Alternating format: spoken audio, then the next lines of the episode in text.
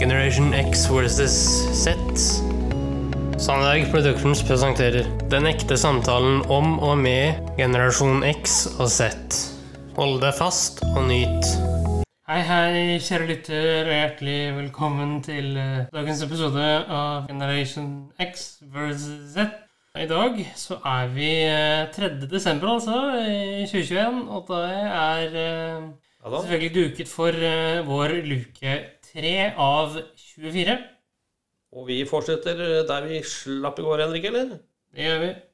Da er det også duket for del 3 av 4 i Liland-saken. Yes.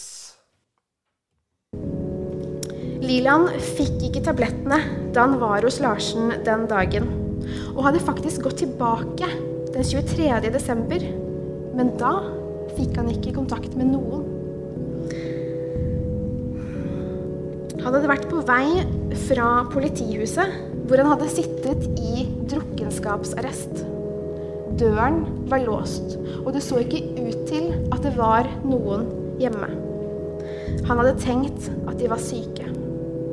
Liland forklarte også at han hadde vært på vei til Glemmengata 73 igjen på julaften for å hente tablettene sine. Men han hadde jo blitt pågrepet på veien dit. Så hadde Larsen og Johansen ligget døde både den 23. og 24. desember. En mann som vitnet i retten, Willy, sa han hadde banket på døren til huset den 22. desember, og at Liland hadde åpnet. Gardinene hadde vært trukket for. Det var mørkt inne i stuen. Liland hadde sett stresset ut og sagt du kan ikke komme inn her, det er sykdom i huset. Politiet hadde riktignok funnet Lilands fingeravtrykk i flere av rommene. Men det hadde jo vært ganske naturlig med tanke på at han hadde bodd i leiligheten inntil noen dager tidligere.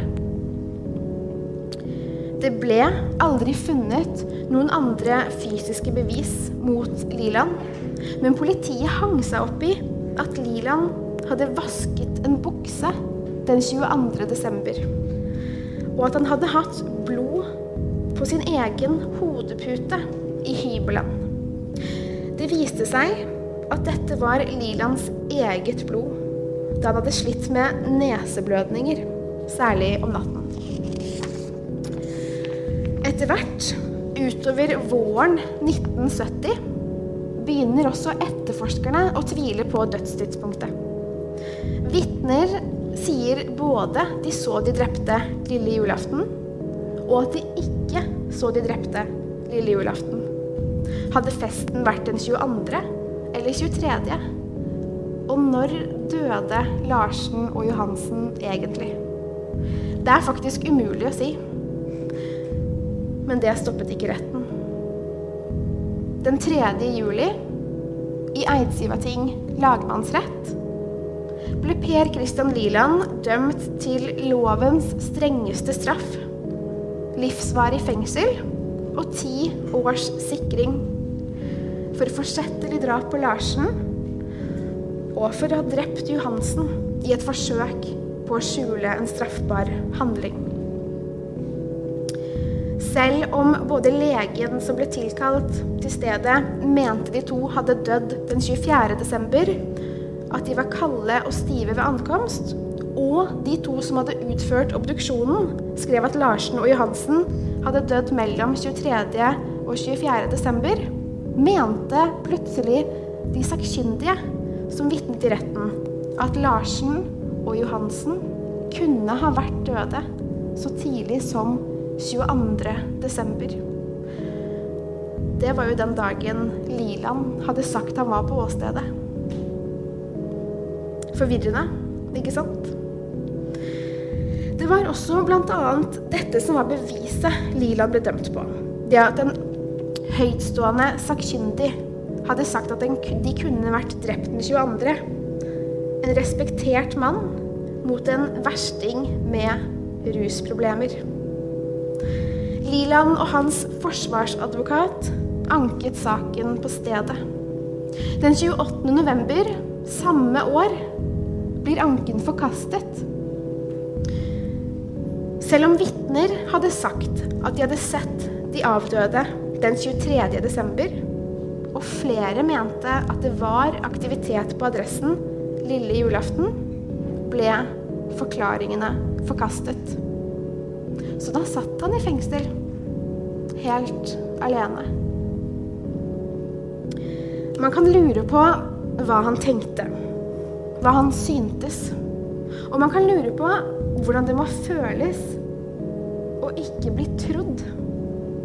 Det å vite at nesten hele Norge, for saken ble mye omtalt, trodde at Per Liland hadde drept Larsen og Johansen.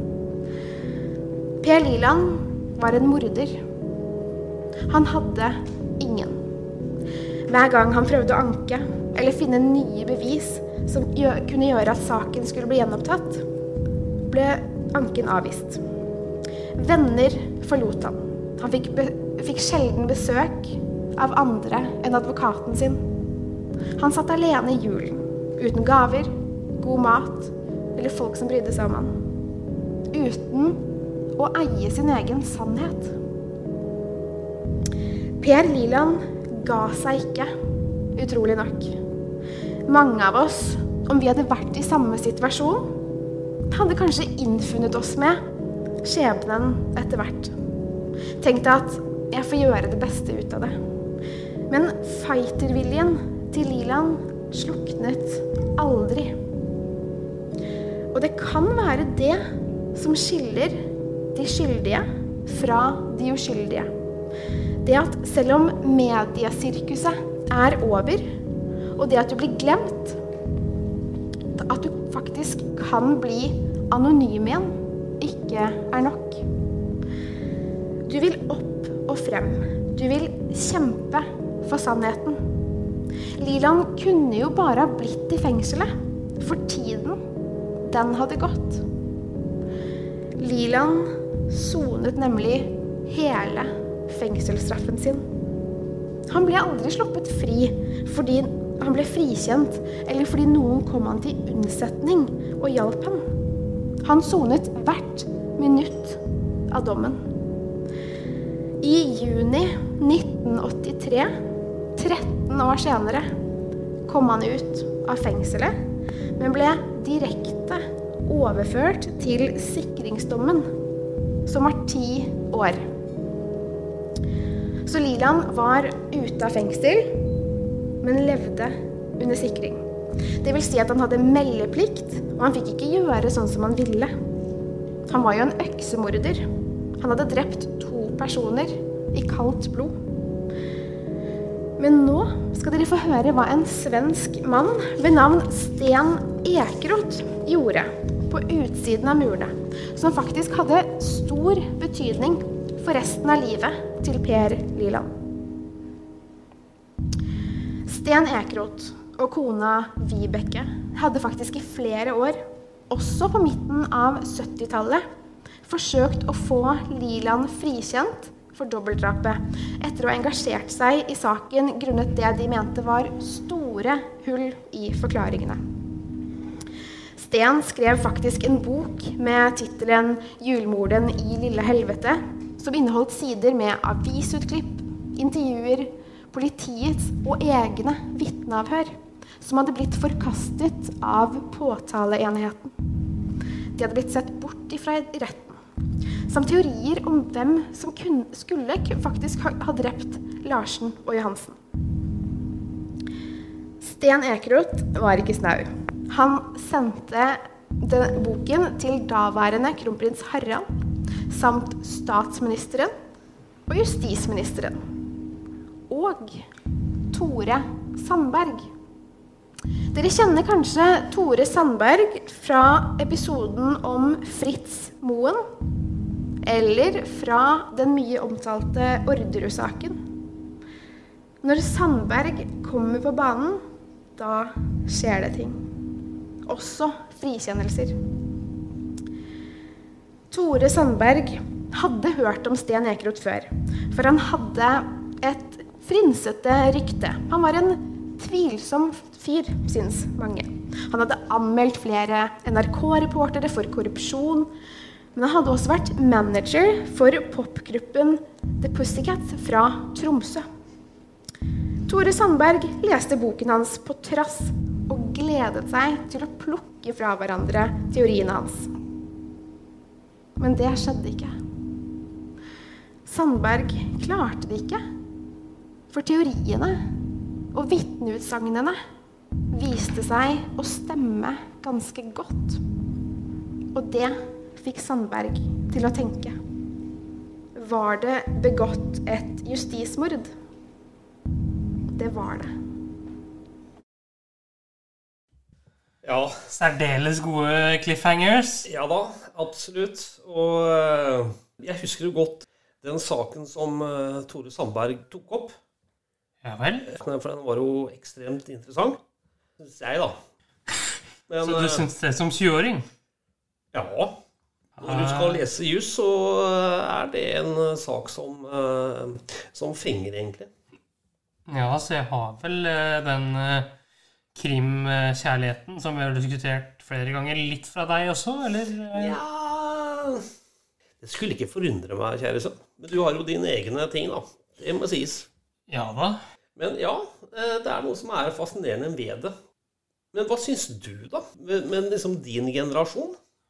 Nei, altså, det er vanskelig å uttale seg på vegne av en hel generasjon. Ja. Eh, Men på mine egne vegne så syns jeg jo det er eh, veldig interessant. Og vi nevnte jo en uh, bok i eh, Jeg tror det var uh, andre del, Mm. Mm. som jeg kunne tenkt meg å få tak i på et vis. ja da. Nå er jeg spent på i morgen. Jeg også. Ha det godt så lenge, gutten. Ha det godt. Tusen takk for at du fulgte oss. Gi gjerne tilbakemelding, likes eller kommentar på Facebook-siden vår Generation X versus Z. Velkommen igjen til neste podkastepisode. Hei då!